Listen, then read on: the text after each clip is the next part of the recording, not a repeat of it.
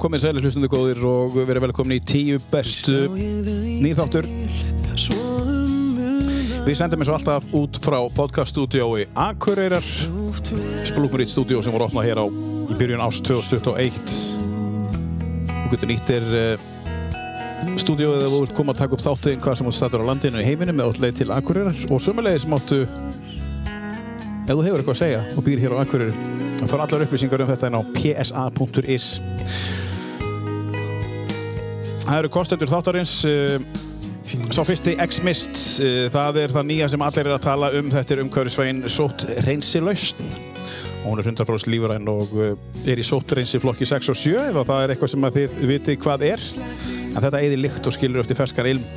Og X-Mist er þarna þetta sem að þú sjáuð í öllum vídjónum og ítar á takka og, og það spreyjar út um allt. Og þetta fer út um allt. Og svo erum við líka í í bóði Blackbox á Akureyri. Það er Blackbox Akureyri sem að styrki þáttir sumulegis og svo þriðji það er Gleratorg og við vitum öll hver Gleratorg er í Vestlunarmiðstöðin okkar hér í hjarta bæjarins á Akureyri. Fjölmjörgir þjónustadalega þar í húsinu. Veitingastæð, kaffihús, húsmiður og apotek ásagt öðru. Og læknastofunar allar upplýsingar inn á gleratorg.is og við þakkum þeim kærlega fyrir að sjálfsögðu Já, ég var sagði í, á Facebook síðinu að næsti viðmælandi minn var sendur frá Guði og uh, það er spurning hvað Svavar Alfreð vil meina um það. Verður velkomin, kærlega. Já, takk fyrir. Gaman að fá þig. Takk, takk fyrir að koma. Um, mér langar að byrja að spyrja þig varandi orðið þú ert Uh -huh. Séra Alfreð. Nei, Svavar Alfreð. Um, um, ég las mig eitthvað aðeins til um þetta og uh, fyrir löngu, löngu, löngu síðan var þetta tákn fyrir herra. Þetta er réttið? Já, þetta er svona svip á senjór. Já. Mm, þetta er því, þýðir uppalega herra. Ég held að þetta hafi nú verið uppalega einhvers konar lærdómstitill. Já. En, um, og er svolítið mísjamt eftir löndum. Já. Hvernig þetta er notað og hvort þetta er notað. Mm -hmm. Síðan var það e, fyrir þína tíð líklega þá voru menni kallaði síra. Já. Og það er eitthvað svona gamaldags síra orð eða? Já, er þetta ekki bara einhver svona uh, mismunandi útgáður af þessu, þessari rót senior eða senior? Já. En þú ert uh, sóknarprestur hjá Akureyra prestakalli uh, og segja okkur aðeins frá svona, ef fara aðeins yfir hvað þú ert að gera í dag, vennilögu dagur hjá Svavari. Já, kannski byrja á því að segja og gaman að geta sagt frá því hérna að, að að prestakallið skipti um heiti núna bara fyrir nokkrum mánuðum og heitir ekki lengur Akureyra prestakall heldur Akureyra og Lögalands prestakall því að við samanumst eigafyrði Hvernig var það? Það gerðist formlega í oktober Já, já, já. Og, já, og við erum einmitt að halda áfram fundahöldum um það í, í kvöld hvernig nákvæmlega þessi sammenning kemur til með að líta út. Þannig að þetta er þá möðurvarla kirkja á grund og allt saman sem er þá komið undir? Já, þetta er allt í einu prestakalli. Þetta voru tvö prestakall, Sýra Lögaland, uh, Fremrasatt og Sýra Lögalandi og svo voru tveir hérna en núna eru þrýr prest, prestar í, í prestakallin og þar að vera eitt sem að sem að hefur aðsettur fram í fyrir því. Já, já, já.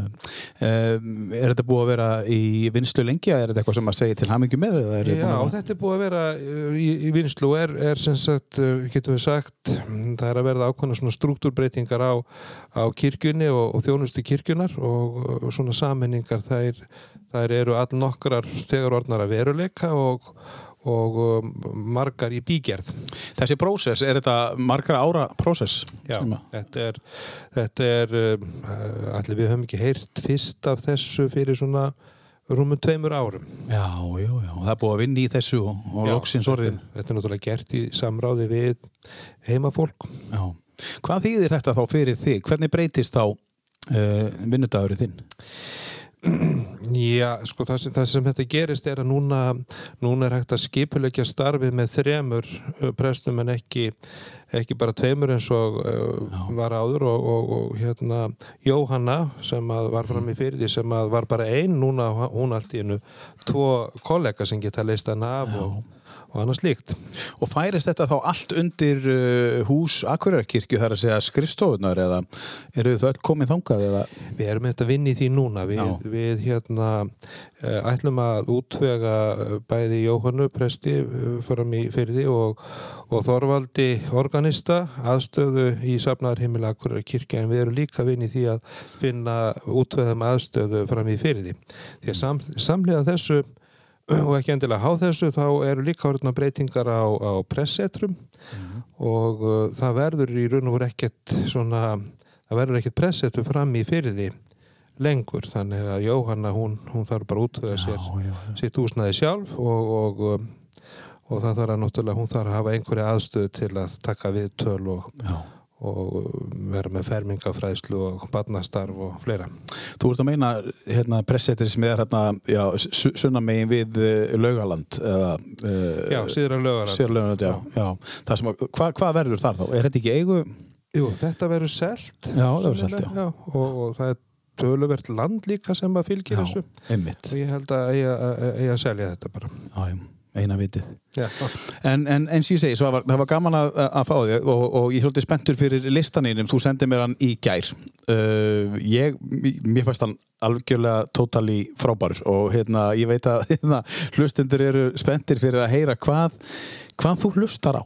Ég veit ekki af hverju en það er einhver spenna í loftinu yfir því hvað presturinn hlustar á, af hverju allir það sé eru þið kannski svona er fólk eitthvað að hugsa að þið hugsi hlusti bara á klassíska tónlist eða það er náttúrulega alls ekki þannig Nei, ég, ég er þetta að hlusta mikið á klassíska tónlist og, og, og ég hlusta náttúrulega mikið á sálma og ég elska Já. sálma og ég var í svolum vanda að því ég á svo mikið að bæði uppáhalds sálmum og uppáhalds tónverkum og uppáhalds tónskáldum en ég ákvað að hafa þetta svona allavega þennan lista, kannski kemur bara aftur með íslensk lög ég ákvað að hafa þetta bara svona Já, e, þetta er svona tónlist sem ég hlusta mikið á þegar ég er í bílnum og, og uh, þegar ég er að elda og svona já, sko. já þú ert að setja á fónin þegar þú ert að elda Já, já, þá set ég með, ég er með sérstakann hátalar í eldhúsinu. Nú er það, sérstakann, já, og þá er eitthvað af þessu sem fær að líða svona, en, en, en hvað er það svona fyrir utan þennan lista áttuður einhvern uh, uppáhalds tónlistamann eða hljómsveit eða konu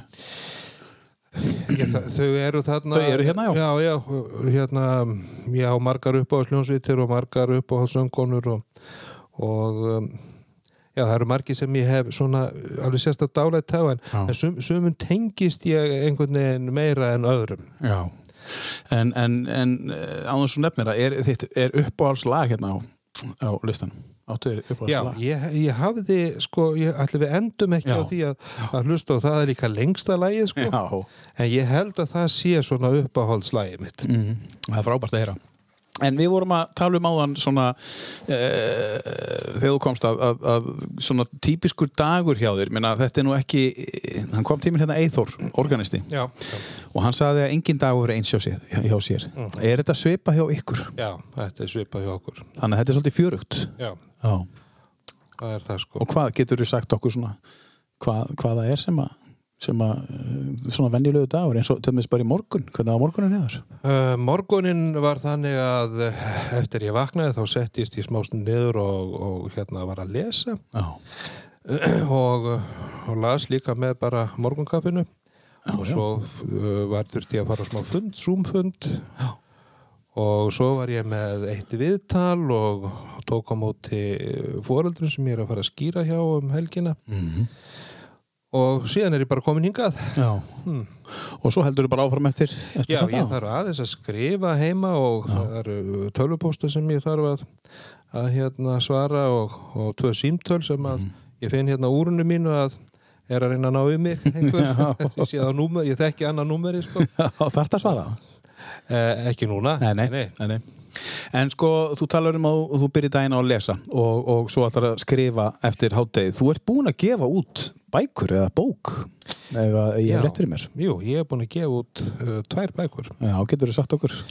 Já, það tengjast báð, báðar uh, ég er náttúrulega mjög áhuga uh, samur um tónlist Já, og tónlist er stort hugðarefni og ferðalög og svona um, ég gaf uh, fyrst, sem sagt fyrir bókin sem ég gaf út eða það var reynda bókútgáðan Hólar sem gaf út bókina Mhm. og hún, eh, hún uh, heit, sem sagt, er með uppskriftum af svo kallum biblíumat Já.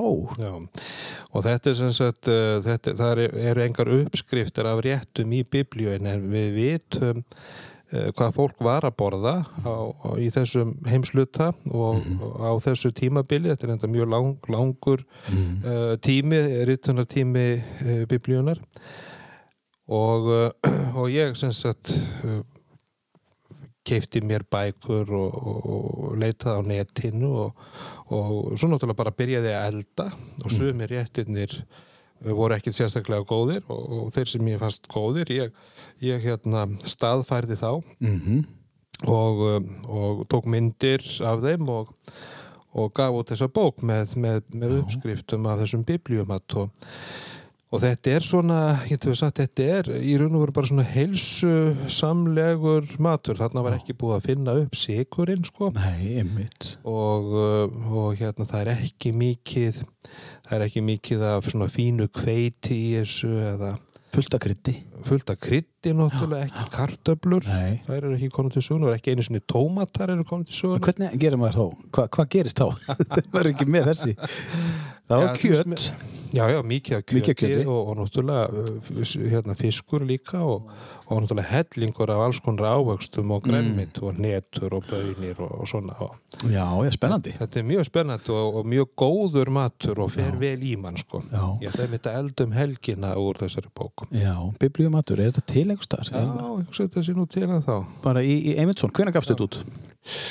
Uh, Hvað er ég? Þrjú ár síðan, þrjú, fjór ár síðan ég gaf þetta út sko Þannig að þú ert ennþá elda upp úr já. átt bókina og... á bókina og eldátturinn í gríp, gríp í hana Er þetta margir réttir sem þú... Já, þetta eru bæði, bæði forréttir og aðréttir og eftirréttir og, Já, já, já, já, og, og, og svo náttúrulega eins og segist þurfti ég að ég þurfti að smakka þetta allt saman og búa Já. þetta til og, og stundu þurfti ég að finna er í mörgum þessum réttum er úlvalda mjólk sko sem er eh, sko mjólkursamsalan hér hefur ekkert verið að eiga við að, framleiða sko. Þannig að maður þurfti að finna eitthvað í staðin fyrir það og hérna Þurftur þú þá að smakka úrlóðamjólk til þess að vita... Nei, ég, ég náði mér aldrei í hana ok, það var ekki þannig. En, en, fyrstu góð viðbröð við bókinni Já, ég fekk það, það var, það, ég, ég fengi það og ég, og færða enn kannski? já, Já. þá hérna, og uh, ég hef, var með tvö svona ég var með bæði upp í safnaðarheimili þá, þá bauði ég upp á að elda úr bókinni og, og hérna, já, já. Það var held ég á kirkjulistavíku einhver tíman, þá ákvaðum að hafa svona tilenga matarlistinni smá, Já. smá rými og svo var ég líka með fenginn til að vera með vera með svona biblíu matarnámskeið uh, út í Ólafsfyrði og var Já, þar í uh, einu sinni og það var mjög skemmtileg já. skemmtileg samkoma Og þú hófst feriliðin þar sem já, já, prestur í. Já, Og, og, og hvernig var það hérna, að byrja þar? Þú ert akkurýringur, þú fættur akkurýri, já, uh, fórst í mentaskólan já. og svo fórstu í framhaldsnám til Þýskarnas. Já, ég fór fyrst, í, fyrst til hérna uh, Reykjavíkur í, í auðvitað. Guðfræðildina það Já, já, uh, og var var sex ár í Guðfræðinám og þar var, var, var eitt ár sem ég tók út í Þýrskalandi Já. Og svo eftir ég var búin að vera þrjú ár í Ólafsfyrði þá fór ég aftur eitt ár til Þýrskalans í, í framhaldsnám í, í sama skóla. Nei, það var, það var öðrum stað Og hvað ert að læra í þessu framhaldsnámi í? Það, Ég var, ég var sem sagt að að, að stúdera bóðunina, hvernig við komum þessum báðskap sem okkur er falið að flytja til skila mm, mm. Og það var mjög spennandi nám og, kom inn á inn á margt. Og hvernig var að búa í Þýskalandi? Hvað bjóstu í Þýskalandi? Við byggum fyrst í, í borg sem heitir Bílefeld sem er nú Já, já. svolítið fræg í Þýskalandi því að það, hérna, uh, það hefur svona leikið vafa á því hvort hann er til. Já, og hvað er það? Já, En þú bjóst þarna en það er Já, já, já, þú, ég þú alveg- getur bara að veist, veist að hún er ég til. veit, ég veit hann er til sko og svo byggum við í Skrítið. svona háskóla bæ sem heitir Göttingen Já, já, já. og þá vorum við sagt, þá vorum við komið tvö börn og Þarna ertu bara hvað, rétt rúmlega þrítugur eða? þetta, já þarna er ég 32 ára þegar ég við förum til Göttingan Kemur þú svo heim og fer aftur í. Ólafsfjörð og hvað tekur þau mörg ár þá? þá er ég þar í tvö ár og Já. kem svo hinga 1995 Þar að þú ert búin að vera prestur í Ólafsfjörð í fimm ár samtals ég var þar, ég var, kom þangað sko fyrst 1986 Já, já, já, og fer svo eftir, eftir sex ár þar þá fer ég til sex ár var það og þannig að ég var nýju ár. Já. Já. En hvernig var að búa Ólafsfjörði? það var alveg indislegt við náttúrulega, já við, ég var þar einn fyrsta árið því að Bryndís kona mín hún var enn í námi í Reykjavík. Hvað var hún að læra?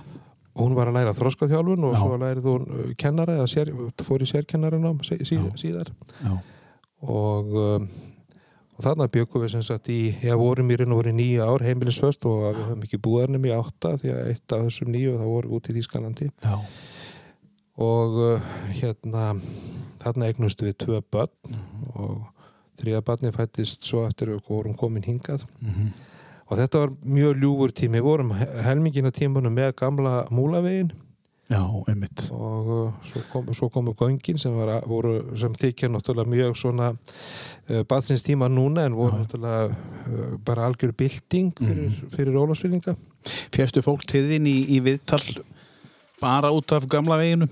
Bara, ég þarf að opna mig ég er hændur, það var engin smá vegur hann. Nei, nei, en einhvern veginn sko læri maður sko, ég, ég var nú alltaf svona það var alltaf svona uggur í manni þegar maður, maður læriði að, að lifa með honum. Og ég held að það hefði nú Ólafsfyrningar hefði gert það og þegar sá vegur kom á sínu tíma var það ekki 65-6 eða eitthvað svolítið sem hann kemur þá var hann náttúrulega algjör bylting fyrir, fyrir Ólafsfyrninga Hvernig fó, gerðu þetta áður? Fyrir það?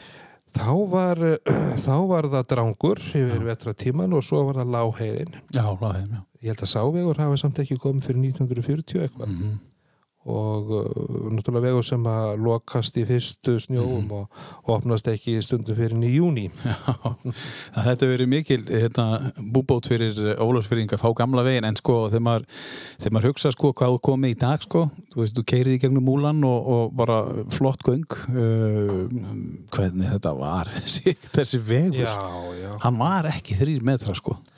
Nei, nei. hann var kannski tveir koma eitthvað þú veist menn voru að mætast þarna sko á rútum já og í fljúandi og hálka fljúandi hálka, þetta er einstætt að hugsa til það sko. og það sem manni var kannski svona vest við, það var það var bæði grjótrun sem að Mm. komið sko á öllum árstímum. Já, og uh, svo náttúrulega snjóflóðin sem að þáttu fallið á. og við lendum einu því að við sem sagt við vorum að kera hérðan til Ólusverðar, hérðan frá Akkurri til Ólusverðar og, og keirðum fram, fram á snjóflóð í hámúlanum og snýrum við. Og þá hafði fallið snjóflóð aftan við okkur líka. Hvað gerir þá? Hann var búinn að segja mér að Valdimar Stengrimsson sem var nú í sóknunemdini þarna og, og sá um múlavegin að, að það væri stundum það væri stundum hægt að keira sko í gegnum spýjurnar þessi, þessi litlu uh, flóð Já, uh, því það er náttúrulega það er, það er lækka eftir því sem að uh, þær koma framar á veginn mm og þá þarf maður náttúrulega að fara svolítið út á brúnin og ég fór bara að skoða því Mhm. minna flóðið og sá ég sko kæmist alveg í gegnum og við kerðum bara í gegnum það. Eitt af því svona merkilega sem þú gert á æfinni held ég bara. Já, þessi vegur hann var, var skröldlegur en það kann líka vera óskaplega fallegt að, að keira hann og, og koma á, á, á öllum árstímum sjá, Já. mið, sjá, sjá miðnættu sólina á planinu og já, ótrúlega útsýni þarna út. Æðislegt útsýni sko. en, en, en sko, ekkert mikið af slísun þegar maður fer að flettis upp Nei, það eru náttúrulega nokkur slís og, og, og, og hörmuleg slís og banaslís já, já en uh, eins og einhver sagði allir þessi vegur hafi samt ekki gefið fleiri líf en hann tók. Já, það er rétt. Vel sagt, vel sagt. En svo komið þið hinga til Akureyrar já og uh, 95 og þú hefur verið hérna síðan eða? Já, Já, búin að vinna þá síðan 95 upp í kirkju já Hvernig er það búin að vinna svona lengi á sama staðnum, 26 ár Það er náttúrulega verið bara algjörlega stórkostlegt og Já. mikið æfintýri og, og uh, ég er búinn að vinna með mjög mörgum. mm -hmm. Þegar ég kem hann til starfa þá er það svolítið skyndilegt því að annar prestana þarna hann, hann fjall mjög skyndilega frá. Þóraldur Höskuldsson, Það var 95 eða ekki Jú, á Já. 95 og, og þá var ég komin hinga sem hérasprestur og þetta var eiginlega eitt af því fyrsta sem ég var fengið í að, að hlaupi skarði fyrir sér og Þórald og, og svo bara ekslaðast að þannig að, að ég sótt ákvað að sækja um hans starf Já. Og var þá uh, þegar ég var búið, búið að velja mig í það til þess og fela mér það starf þá, þá var ég orðin samstarfsmaður skýrnaföðu míns Já. og, fer, og fermingaföður sér að Birgi Snæbjörnssonar. Já, hvernig var það? það var náttúrulega alveg indislegt Eins og hann var ég náttúrulega þekkti þessa menn náttúrulega báða sér að Þórald og, og leitaði nú ofta ráða hjá honum einmitt. Og, hérna, og sér að Birgi sem ég líka leitaði ofta ráða hjá og Já, það voru hvort ekki miklir vinni mínir. Birgir var mjög indall í samstarfi og, og mikill sögumæður og, og Já. brósýr og, og Já. láturmildur já. Og þú ert bara 35 ára, þú tekur þetta þarf? Já, er 35 ára. Já, já, þá er búin að vera núna hérna. Nú getur fólk reiknað já, já, Hörðu, Svavar, uh, við fyrir nánar í þetta allt saman uh, hér á eftir Við ætlum að hefja bara leikin ef við ekki að taka bara fyrsta lægið og þú kannski segja okkur aðeins frá þessu lægi og, já, þetta fyrsta lag sem ég valdi það er einmitt, það tengið svolítið múlanum því að ég Já. var upp í múla þegar ég, ég maður það svo grein, þegar ég heyrði þetta lag í fyrsta skipti Mm. Og síðan þá hef ég oft spilað þetta lag. Mhm. það heitir uh, I Just Died in Your Arms Tonight Mhm, er með hljómsveit sem heitir Cutting Crew. Mhm. og aðeins til að útskýra titilinn hvað ég dó í örmum þínum. Já, að, uh, að Petit Mort litli já, þetta er hugtak sem er notað yfir yfir uh, svona kynfyrirslegan unað og fagurfræðilegan unað. Já. Og um, já, Og er, það, er þetta skýrskotun í það? já I just died in your arms tonight. Já, það er svoleiðis. Þetta er Petit Mort sem, sem þarna er á ferðinni. Já. Heyrum nokkur, eh, nokkur skemmtileg brot úr þessu skemmtilega lægi með Cutting Crew. Þetta er 80s eins og gerist rétt hjá mig setur Svavar Alfreð Jónsson sóknaprestur á Akureyri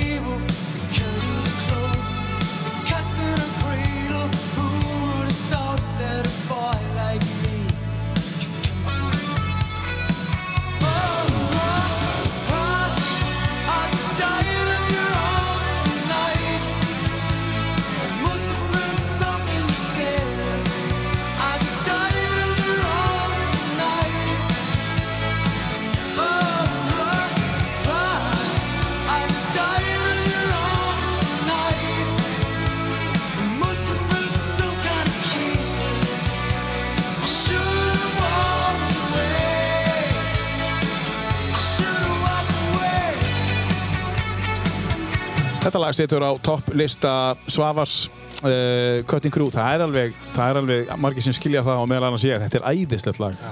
En þú veist að segja að þetta væri eitthvað sem tengist þú mátt alveg útskýrta aðeins betur fyrir, allavega fyrir mér, Petit Mort uh, uh, textin úr þessu lagi, að að því nú er ég búinn að heyra þetta lag í 40 ár. Aldrei pælt í þessu.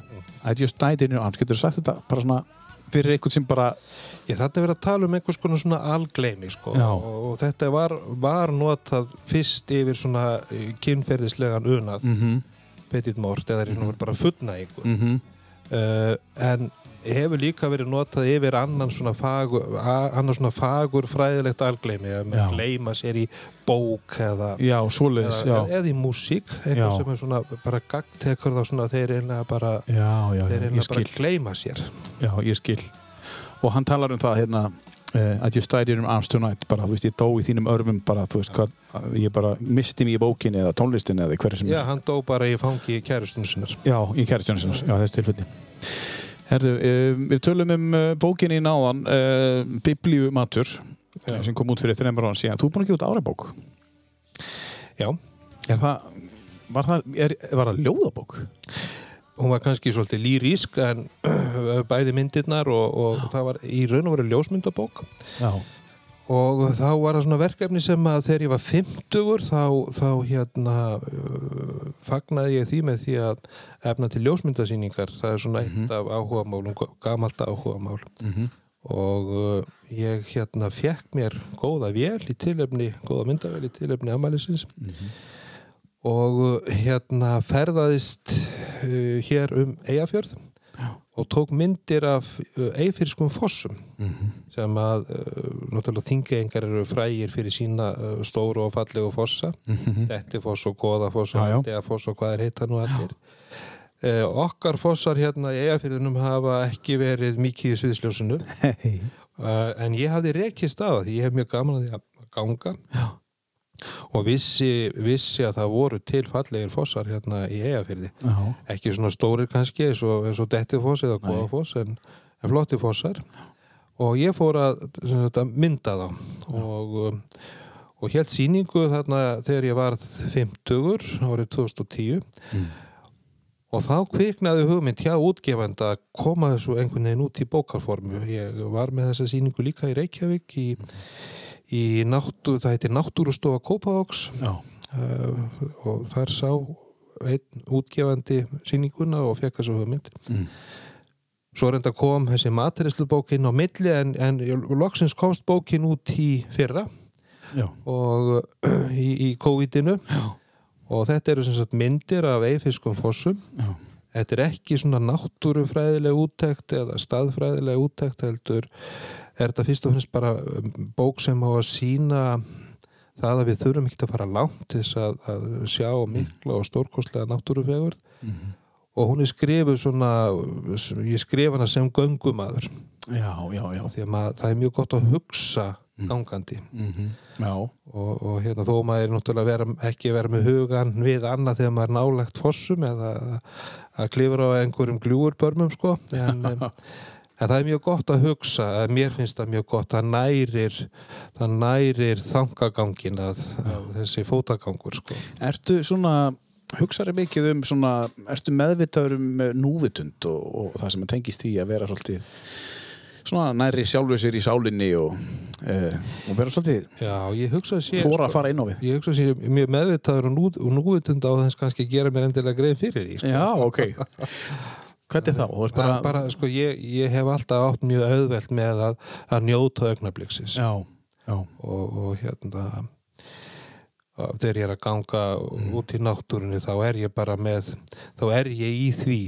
Já. Og, og njóta þess og þegar ég er að elda mat þá er ég mjög gaman að því þá er ég í því. Og þegar ég er að hlusta á tónlist eða lesa eða skrifa. Mhm. ég hef alltaf átt mjög, auðvelt með það að, að hérna. Og, og stu- og stundu bara gleymi ég mér alveg sko. já. Skrifaðu mikið svona já, ég skrifa mikið og er, er eitthvað, er, er þriðja verki á leiðin út eða er eitthvað það var ýmsar hugmyndið fæst en ég náttúrulega þarf mikið að skrifa í tengslum við, við mitt starf -hmm. og, og ég nýt þess mjög að, að skrifa Já, það væri nú slæmt eða þú myndir ekki gera það já, þá væri líklega að gera eitthvað annað já. Já, og þú ert að skrifa heilu ræðunar ég er að skrifa ræður já, Já. alls konar ræður og, Já já. Er ekki erfitt að skrifa ræður svona þegar þú ert að fara að gifta eða eitthvað, einhver svona, það er svona persónlegar er, er þetta ekki, þú veist þarf þetta ekki að afla þér opbáslega mikið upplýsinga og hvernig já, gerur það? sko, svona hjónavíkslu ræður ég hef Já. það er yfirleitt ekkert mjög persónulega sko, að, hérna, ég fjalla þá frekar bara um ástina og Já. það er á nóg að taka sko. Já, uh, minningaræður, það er hins vegar verða að vera persónulegar og, já, og þá er maður náttúrulega ofta að kynnast eða yfirleitt alltaf að kynnast fólki gegnum einhverja aðra Mhm.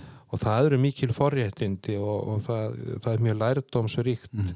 og þroskandi fyrir, fyrir mig að, að, að fá að gera það því að, að það er svo mikið af fólki og, og, og einlega bara allir eiga svo merkilega sögu já. En þú ert að skrifa uh, vikulega eitthvað Já, Eh, og, og- og, og stundum oft í vikur Stundum oft í viku. Um, þú náttúrulega reynir að endurtaka ekki sjálfa þig. Hvernig er, að, hvernig er að skrifa svona mikið og þú, þú ert kannski alltaf með mörg eiru sem eru þau sömu? Já, já. Eh, alltaf, hvernig, hvernig gerur þetta?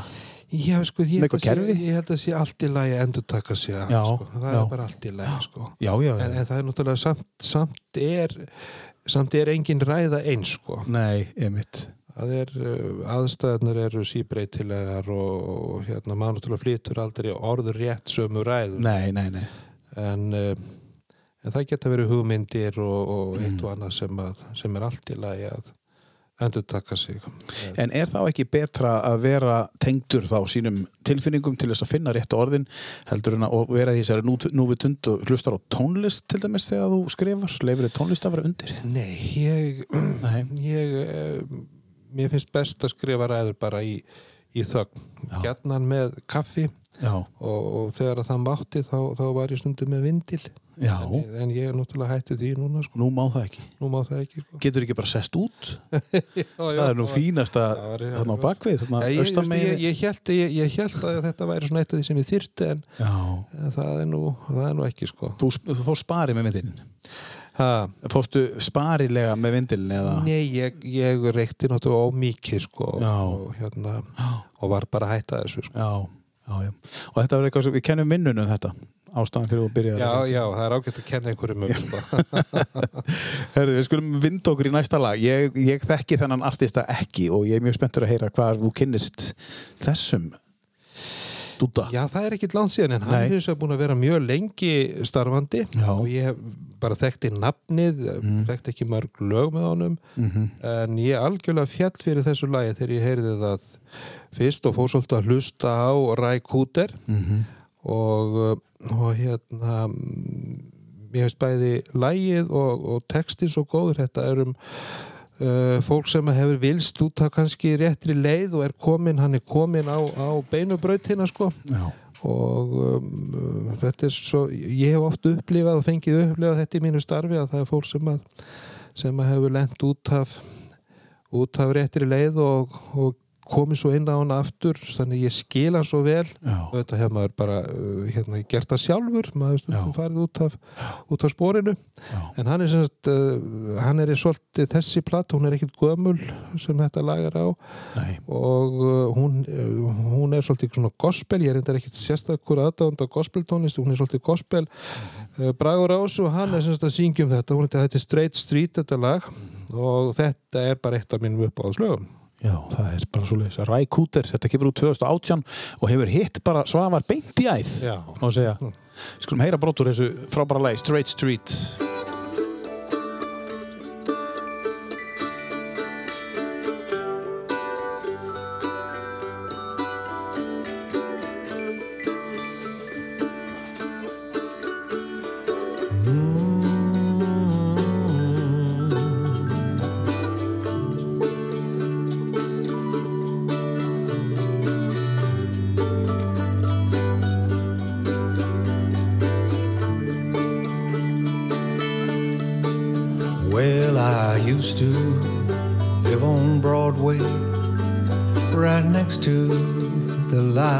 Liar's House. My number was self righteousness and a very little kind of mouth. So I moved, I moved, and I'm living on Straight Street now. I moved, I had to move. I'm living on Straight Street now.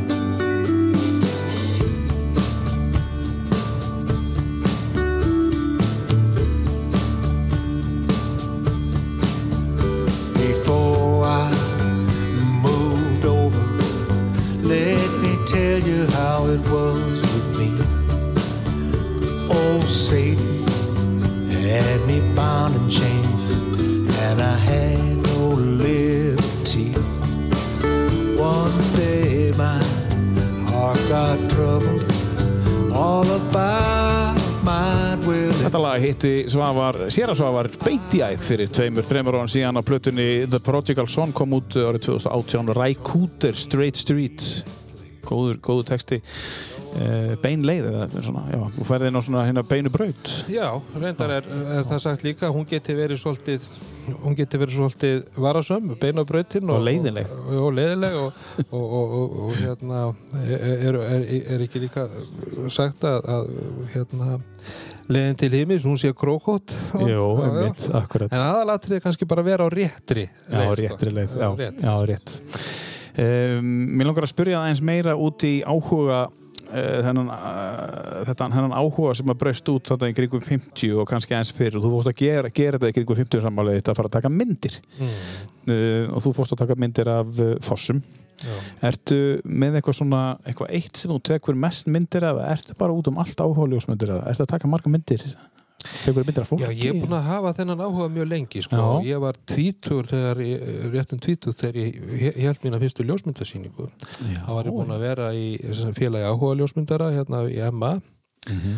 og hafði reynda að teki líka ljósmyndir fyrir blöð og tímaritt fyrir, ég tók myndir fyrir Íslending hérna, Já, svona já. vikublað gefa út á Akureyri. Og líka fyrir tímaritt til fólk og, og vísi. Já, já, vísi. Og svo held, held ég uh, ljósmyndasýningu þarna vorið sem ég útskrifaðist já, uh, með Erni Inga já, magnaða já. listamanni. Já, og blessu sem minning hans Já. og, og svo er vinur, vinur okkar sem heitir Ingólu Klásen Já, já. Og við, og, og, en svo var nú svona, kom svona lægði þetta og ég gæti ekki sint þessu en þannig kringu 50 sammæli mitt þá, þá ákvað ég að fara að taka myndir aftur Já, og hvernig var að, að, að taka upp myndavælinn aftur? Var ekki aðeinslegt? Já, það er náttúrulega, ég, ég er náttúrulega þurfti bara að fá mig nýja þegar í middiltíðinu var komið svona digital sko. Já, varstu með hérna gömlu filmu? ég, ég var að taka á svartkvita myndir sem ég spólaði sjálfur og, framkallaði sjálfur og Já, já. hérna, En áttur ennþá myndavælinn á gömlu? Nei, Nei. ég hafði nefnilega gefið gömlu myndavélarna mínar. Uh, var kollegi minn- Minjasatunur? Nei, það var kollegi minn Örn á skútustöðum sér Örn á ok. skútustöðum, hann sapnaði myndavélar Já, já, já. og ég gaf honum þessa myndavélar sem ég átti Já, og hann á þær eru ennþá í dag. Já, ég hann segi og hann er nú farin blessaður en, Já, já, hann er farin, já, blessaður, já. En, uh, já, ertu að taka myndir af einhverju svona, uh, hverju sem er, eða ertu að einbeita að einhverju einu? Ég hef nú mest tekið myndir svona af því sem fyrir augun ber út í náttúrunni. Já, já, og ég er náttúrulega ekki fagmaður í neinum skilningi, ég er amatör mm uh, og á ekkit rosalega fínar eða dýra græjur en, en já, mikið tölur mikið af linsum og, og tvær vélar og, og hérna já, þegar ég fer fer ég á göngur þá tek ég hvort sem það er hérna innan bæjar eða hvar sem er þá Já. er ég yfirleitt og ef ég er í bílnum þá er ég yfirleitt með, með vélina með mér já. Þú ert ekki ennþá farin að bjóða upp á, á brúðkaup þar sem þú ert prestur og ljósmyndari? Nei, það, það verða svona meiri professional menn að gera en ég sko Já, það er það er ekkit víst sko að svo tekið kannski hellinga myndum og svo, það er ekkit víst að neinn þeirra hefnist. Nei, nei, það, það er alltaf það má ekki brúðkofi sko, Nei, það er rétt en hérna eh, tölum inn á, kom inn á Eithór hérna organista, hann er nú eh, hann er líka svona áhuga ljósmyndari sem kom hérna í þáttinn til mín aðeins fyrr. Eh, þið þekkist nú vel og vinnir saman á hverju minnasta degi. Eh, hann eh, tekur mest myndar af eh, dýrum. Já, uh, og þú þá getið, ekki haldið bara síningu saman ábyggilega sko. Eithor er náttúrulega alveg frábær og hann er svo mikill fagmaður í, í öllu sem hann gerir, hvort sem það er að, að spila á, á ljóðfærið og já, eða taka myndir. Hann, er, hann vandar sér svo mikið og Mm. leggur svo mikla alúð í þetta. Það er alveg guðdómlegt að, að skoða myndirnar hans. En notarðu eftir vinslu forrið eins og Photoshop að búa til myndirna en setur þú bara einhvern effekt á þær og Nei, ég nota, nú mest Lightroom. Já, Lightroom, já. Ég er líka með Photoshop sko. Kann nú ekki droslega mikið á það. Ég hef verið að nota svolítið uh, Lightroom. Já. og í bókinni þá fengum við mannesku sem kann mjög vel á, á hérna svoleiðis forrið til þess að vinna og er, er, er mentuð í því sem, til þess að vinna Mhm. þær myndir.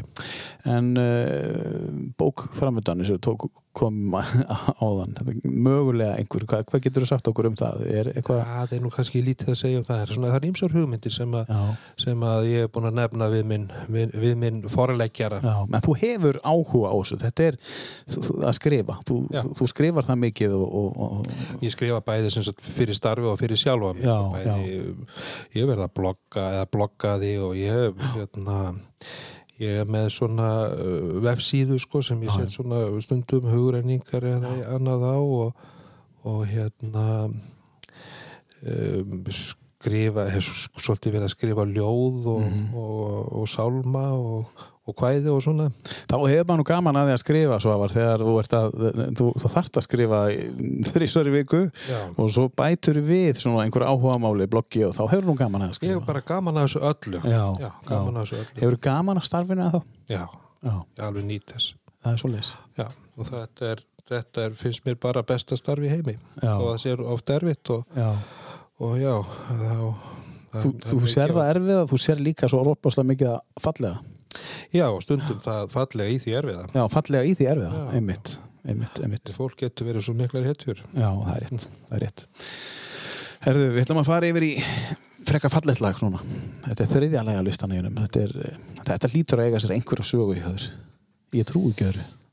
Já, ég sko, ég sko ég hef nú alltaf haft dálæti á Elvis Costello. Já, uh, Oliver's Army uh, var nú lag sko, svona eittislag mm uh, ég veit ekki hvað það var ég, ég einhvern veginn, ég- mér þótti þetta alltaf svo óbáslega fallet lag Mhm.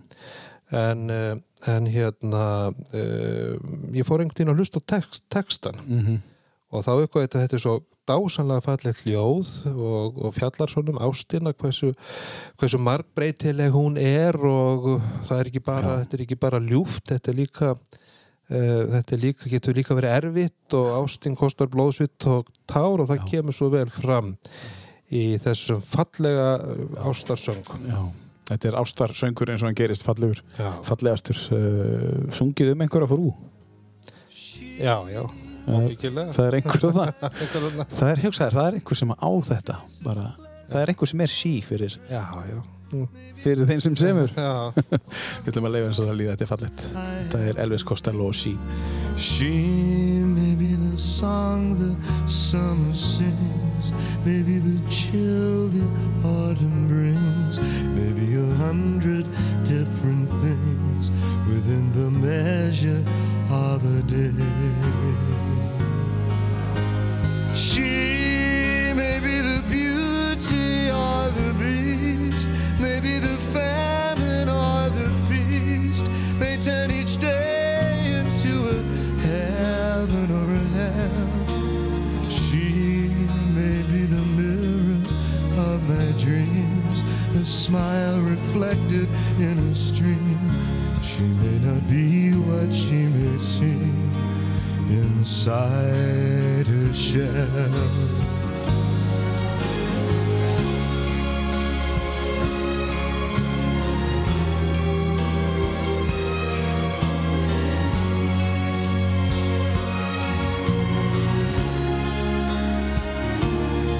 Þetta fallega lag er í uh, samið af uh, franska tónskáldinu Charles Aznavour þú, þú hefur hlustan á á hefur hlustað eitthvað á með honum? Já, ég, Já. ég hef hérna, heyrt í honum Já. og finnst það skemmtilegar Herðu, við erum, búin, við erum að tala um sko, hvað á maður að segja? Listamannin Svavar um, þú, margt til listalagt þú hefur tekið myndir og skrifað bækur og þú hefur líka sett upp sönglik Já, við, við gerðum það fyrir kirkjulistaviku fyrir mörgum, mörgum árum ég og Björn Stina Solbergsson þá, þá hérna settum við upp söngleik sem að um, ég samdi og uh, samdi megnið af uh, textunum. uh, alla, alla söngteksta Já. og, Já. og, já, og, og samti söngleikin og uh, e eitthvað var svona aðfengið af lögum svo fengum við Daniel Þorstinsson Já, til að semja líka nokkur lög. Já, og um, þetta var sem sagt, þetta var í raun og veru bara leiðsögn um messuna. Já, já, já. og heitir leiðin til lífsins. Er þetta til einhverstaðar? Uh, ekki, ekki held ég upptökur af því sko Nei. En e- engin, já, þú áttu þetta bara án í skúfu einhverstaðar? þetta er til, til í skúfu, já, já, á, á Já. nótum þetta Já. var til á nótum og, og þetta var sem sagt, það voru kórarnir upp í kirkju, barnakórar og, og fleiri kórar sem Já. að sem að hérna sunguðu þetta og svo að fara með þetta til Reykjavíkur og, og sungið úr þessu allavega þar. En þú varst fenginn í þetta verkefni. Þetta var svona bara hugmynd sem fættist hjá Já. okkur vitnisteinari sem þá var organisti upp í kirkju. Já. Þannig að uh, þú, þú, þú hefur líka gert þetta og um, það, það þarf nú að skrifa handrit uh, og að semja tónverk Já, ég samti nú ekki tónverki. Nei, en sko. þú samti textana Já, ég samti textana. Já, textana svo já, ekki tónverki en textana Þú hefur gert ímislegt, er eitthvað meira þarna sem, sem er bara ekki skrifa niður á internetið Já, sem að maður steftir Ég, ég, hef, ég, hef samið, ég hef samið eitt lag svo ég haldi nú áfram að Já. að gorta, já, gorta ég, Er það hérna á listanum? Nei, en, en ka- ég er í Kallakór Akureyra Geysi. Já, og fyrir, hvað heldur sér, tvö ár síðan þá, þá sungum við lög eftir okkur sjálfa og það kom, kom bara í ljósa það voru all nokkri kórfélaga sem höfðu samið lög. Já, og Hjörleifur Örn Jónsson sem að, þá stjórnaði kórnum, hann er mjög flinkur útsettjari og hann ég man að hann kom upp á, upp á skrifstofu til mín og ég, ég hérna raulaði fyrir honum þetta lag já, sem ég gerði mjög fallegt ljóð. Reyndar ekki eftir mig og hérna ljóð sem ég rakst á og, og fann svo fallegt og þá einhvern veginn fættist þetta lag. Mm. og kórin sem þetta var eitt af þeim, þeim lögum sem að hérna uh, kórin flutti. Og hvernig var svo upplifun? Að heyra lægið sitt flutt bara æðislegt og náttúrulega Hjörlefi tókst með frábæru útsetningu að gera úr þessu uh, svona heila lag bara fekk þetta eitthvað nafn? uh, uh, já þetta já, ég- held að það hef bara verið sko nafnið á ljóðinu Já, ég skil já, já, já, Ég er að reyna að finna þetta með þú varst að tala sko. já ok já, Svo kannski er þetta bara ekki til sko. já, já. En uh, já, þú hefur gert það líka Samil, samil lag líka Þannig að uh, Já, þannig að er eitthvað fleira svona sem að Þú ert listamaður já Það er mikið, mikið listi Hvaðan færðu það? Er þetta eitthvað úr, úr, úr uppeldinu? já, ábyggilega Já. pappi skrifaði mikið Já, og hann var náttúrulega líka að spila á hljóðfæri, það var já. og um, Mikið tónlist á heimilinu já, já, mikil tónlist sko. Og eitthvað sérstætt sem að mannst eftir sem að smitast í listanina mögulega sem að eitthvað á uppeldinu Já, sko, það er hérna já, ég, ég var bara með svona kannski já, ég man að pappi hann, hans, hans uppáhald söngvari var Nat King Cole eða einn af hans uppáhald söngvarum og Ella Fitzgerald sko. Mhm. þannig að ég er svolítið alin, alin upp við þau. Já, það er nú ekki slæmt. Nei, það er ekki slög. Ég var nú reyngi að hugsa um að hafa sko dóttur, já, það er lag með eh, Natalie Cole sko sem ég Já, já, en uh, já. Það hefði geta verið að já, já, hefði alveg Manstu hvaða lag var? Það, uh, nei, sko, það, það, það er nú eitt að það eru bara mörg sem koma, sko, koma svo sterklega til greina. Ég var ekki Já. bara að velja, velja lagið, sko. nei En hún hefði geta verið hann inni og jafnvel natt Já, já, var- þau syngja saman, sko. Já. Var það ekki mitt Unforgettable? Jú, þau syngja það saman, já. Saman. uh, Já, uh, hann sönga og svo söng hún það og þetta var einhvern veginn klift saman Já, er saman. mjög flott sko Dásamlega. Alveg dásanlegt sko Og ég man að vídeoðu var nú klift saman líka Þú veist, Já, það var alveg Þið sáum þetta á MTV í gamla dag Það, Já. það var að horfa á vídeo sko En nú er ekkert mikið gert upp úr vídeo En að þú ert, varst ólst upp með, með, með tónlist á heimilinu en, en, en mamma þín, var hún eitthvað í músík? Var eitthvað sem söng? Mamma er líka listakona, hún náttúrulega hefur alveg frábælega fallega rítönd og um, og hérna, já, þannig að Já, hún er af þessum gamla skóla sem gætt skrifað alveg Já, já. afskaplega fallega skrifaði mjög, hefur mjög fallega Já. rítönd og Þetta var kent í gamla bara, bara þetta að, að hérna bera virðingu fyrir tónlist og, og bókmyndum og, og hérna og því sem er fallegt. Já, já, að allir það hafi ekki hegi ekki svona þátt í því að ég, ég hef haft mjög gaman af því að, að, fást við eitthvað svoleiðis. Já. Eh, Elín Sigurjónsdóttir, kennari. Já, hún kendi mér skrift Já. hún lagði gríðarlega mikið upp úr í að við ættum að skrifa fallega og ég lærði, hún kendi mér að skrifa fallega já, já. bara sá kennari ég hefði nú betur að stana því að ég, ég skrif ekki náðu fallega sko Já, þú nota bara töluna ég nota töluna mikið. Ertu með svona, svona læknaskrift Já, ekki flokkana bara einhvern veginn undir það. Já, svona, svona, svona livsæla skrift Já, Herði, við, við ætlum bara að demba okkur í næsta lag Hérna er nú eh, engin smá kanóna hérna og þessi tvö sko, saman, ég vissi ekki að þau hafa sungið þetta saman Þetta eru Ma Mark Knopfler og Emmylou Harris Já. Duet Já, ég hef alltaf haft mjög, hlustaði bæði mikið á Dire Straits. Já, Ég veit Eithor Ingi, hann hefur mikið dálætt Dire Straits. Ég Mhm. mm búin að heyra þáttinn, kannski hefur hann valið eitthvað með þeim. mm -hmm. Uh, Emilu Harris hefur líka, ég hef gaman að henni og, og þegar ég fór að velja, ég verði að velja eitthvað með Mark Knopfler og þá eiginlega bara var þetta fyrir valinu því að þarna náttúrulega slá ég, tvær flugur í einu höggi, uh, kemur tvo söngvara. Já, vel gert. Og hérna tók góða söngvara. Og svo náttúrulega er lægið fallegt og, og textin er bara dásamlegur sko. Þetta er svona blessunar óskir. Já, já, já Ef ekki þó að uh, benda hlustanda á að uh, leggja við hlustir sérstaklega við textan og lagið í þessu þegar Já, já. þetta er uh, Love and Happiness, þetta er nú ekki smá titill. Nei, nei, Ást og hamingja. Já. Við skulum hlusta á og, og glefs úr þessu lagi. Here's a wishing well. Here's a penny thought it is that makes you smile. Every diamond dream, everything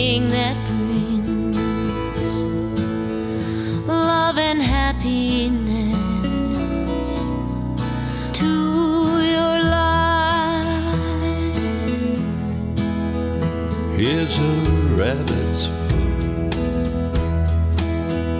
Take it when you go. So you'll always know you're safe from harm. Wear your ruby shoes when you're far away. So you'll always stay home in your heart. Heyrim hér í country stjörnunni Emilu Harris og uh, mögulega einn af uppáhalds tónlistamönnunum hans, kannski ekki uppáhalds en einn af þeim, Mark Knopfler ef maður á playlista sem heitir bara Mark. Já. ekki Mark Knopfler, þetta er bara Mark. Alveg í mark sko sá. Já, og, og hann er bara skýrður Mark. Þú veist, þetta er eins og Lionel bara Já, ekki Ritchie, þetta- Lenny. Þú veist, þá ertu farin að þekkja tónlistamanni vel. En hérna syngja þau saman lag sem heitir Love and Happiness á plötunni All the Road Running Já, þú ert, þú ert, þú ert þarna og við erum, uh, við erum að vinna okkur hérna niður listan og, eða uppan, hvernig sem við lítum á það. Ég er svolítið spenntur að heyra lag nr. 10 og ég veit að, að, að hlustendur líka er að spila. Hvað er upp á að slæði þetta? kemur í ljós hér sérna í þættinum. Hvert er? En uh, já, við vorum að tala um uh, sagt, listamannin hérna Svavar og margt er listalegt. Og, og þarf maður að hafa þetta þegar maður er í, í, í þínu starfi? Þarf maður að vera góður á pennan eðlilega? En þarf maður að vera hjálpara manni að vera svona þú veist svona lista? Já, ég held að það sko hafi fátt hjálpað mér meira en að, uh, að hafa gaman af því að, að fást við listir. Mm -hmm. uh, hvort sem að það er uh, tónlist eða, eða leiklist er náttúrulega heilmikið leiklist sem að fylgir starfinu Já. þetta er, þetta er hérna Þetta er ákveðið drama sem framfyrir fyrir Mhm. altarinu Mhm. og svo náttúrulega orðsinslist Mhm. hvort sem það eru ljóð eða, Mhm. eða uh, í bundnu og óbundnu máli Já. þannig að það og líka bara þetta hvernig, hvernig þú um, umgengst fólk Mhm. og, og, og uh, upplifir umhverfið. Já. í náminu sjálfu eins og þú segir þá hérna þú lærir framkomu, þú lærir uh, orðsins list þú lærir líka að syngja eða ekki? Er Jú, ekki hluti af? þið þurfu að syngja eða það kallast endur að tóna. Já, þegar maður fer að hugsa um það sko, að, að sko, kirkjan og listirna þetta Já. er náttúrulega þú veist, að kirkjunar eru fullar af höggmyndum Mhm. og myndum og tónlist og bara nefndu það Já, og skúlturum út um allt og, og Já. glerlistaverkum og, já, já, já, og bara hvernig þetta er smíðað já. Já. kirkjuhúsin sjálf. Já. Akkur er að kirkja, þetta er náttúrulega listaverk. Þetta var listaverk sko. Ekki bara staðsendingin. Nei, heldur bara að þú verður að koma að inn. Hver hefur ekki komið inn í Akurakirkju en uh, já, þannig að þú, þú þarft að uh, það hjálpar að já, þú hefur náttúrulega farið í gegnum nám sem að tengist uh, já, að koma fram og leika og, og, og læra að syngja, það er hluti af náminu þannig að, þannig að það hefur kannski smitast yfir í það sem þú hefur áhuga að gera í dag, eða þú veist? Já, ábyggilega. Já, af því að þú er búin að vera svo lengi. Já, já, búin að lengja í þessu í þessu? í þessum, já, þessu umhverfi sko. já. Já, en sko, auðvitað gerir vinnan það og, og hérna, hún móta mann en, en og þú spólar 30 ára aftur í tíman og, og til dagsins í dag, hefur þetta mótað þig uh, minnaðinn já, að betri manni? Já, já, já, án efa sko. já, ég væri ekki svo mannski sem ég er núna ef að ég hefði ekki verið að gera það sem að ég hef verið að gera undanförnum áratugum. Já, og eitt svona megninu af mínum tíma í og, og orku og elju. já það er bara, Það gett mér margt og, og þroska mig alveg óendanlega mikið. já, það er bara frábært að heyra. Um, en uh, tvörum að sem við fjölskylduna eina þú frúið þín Mm uh, þroska þjálfi og kennari Já, og skólastjóri núna starfandi. já, hvar er hún stafnandi sko? Hún, hún er skólastjóri í Naustaskóla. Já, já, já, sem er nýjasti grunnskólinn hérna já. á Akureyri. og börnið þín? Við eigum þrjú börn. já, Elstur er Björn Ingi, hann er, hann er læknir, já, starfar á, á, út í Stokkólmi. já, já, já. Er enda núna stattur í, í hérna, hann er í framhaldsnámi og er í verður næstu mánuðina út í Hollandi þar sem hann læriði. já.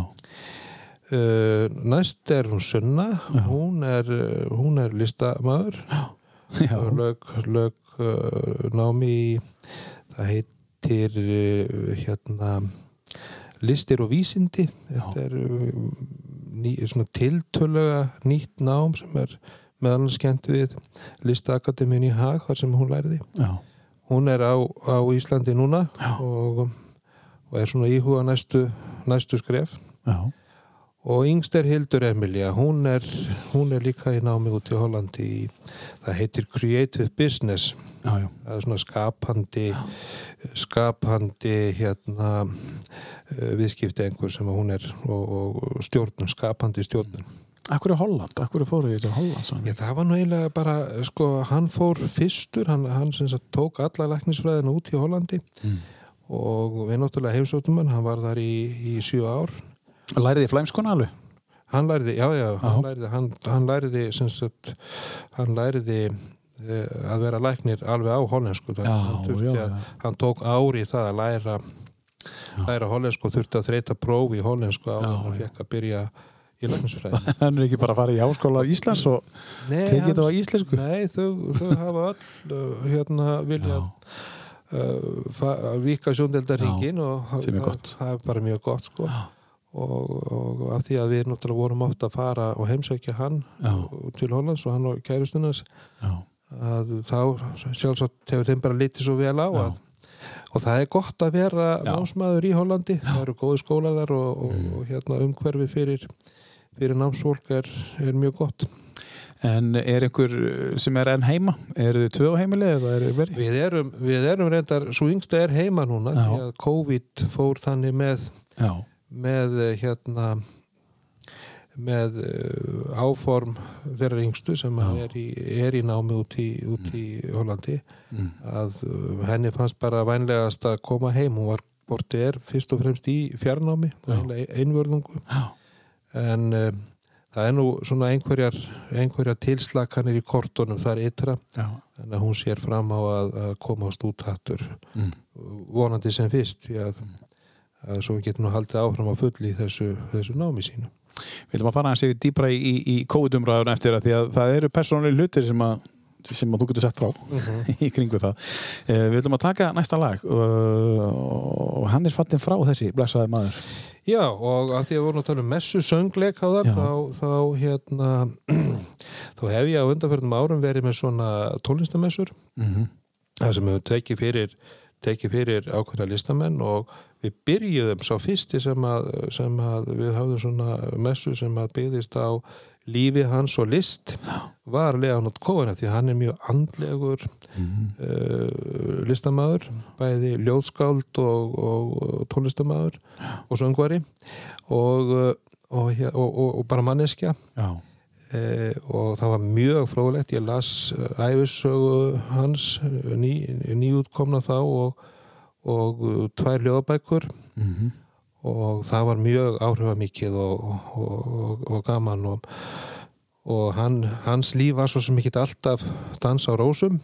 Og um tíma varðan, varðan gjaldróta eiginlega. Og, og þá var hann eiginlega hættur sko en fór svona til þess að afla sér peninga aftur. Þá fór hann í heilmikla tónleikaferð. Og þetta er upptaka sem að er uh, úr þeirri tónleikaferð. Og hún er, þetta er upptaka sem var gerð í Royal Albert Hall á frægulagi Chelsea Hotel. Chelsea Hotel var svona aðsetur uh, listamanna í New York. Og, uh, og þetta er mjög skemmtilega finnst mér útsetning Mm.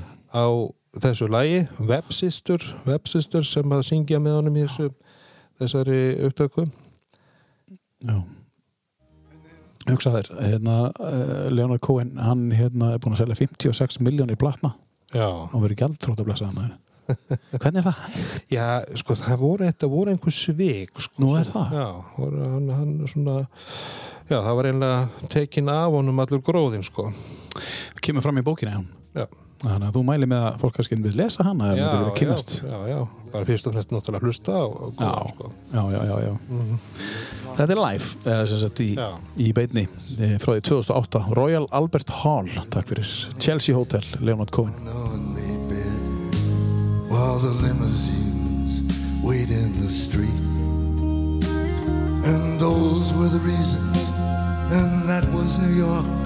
We were running for the money and the flesh. And that was called love for the workers in song, probably still is for those of them left. Ah, but you got away,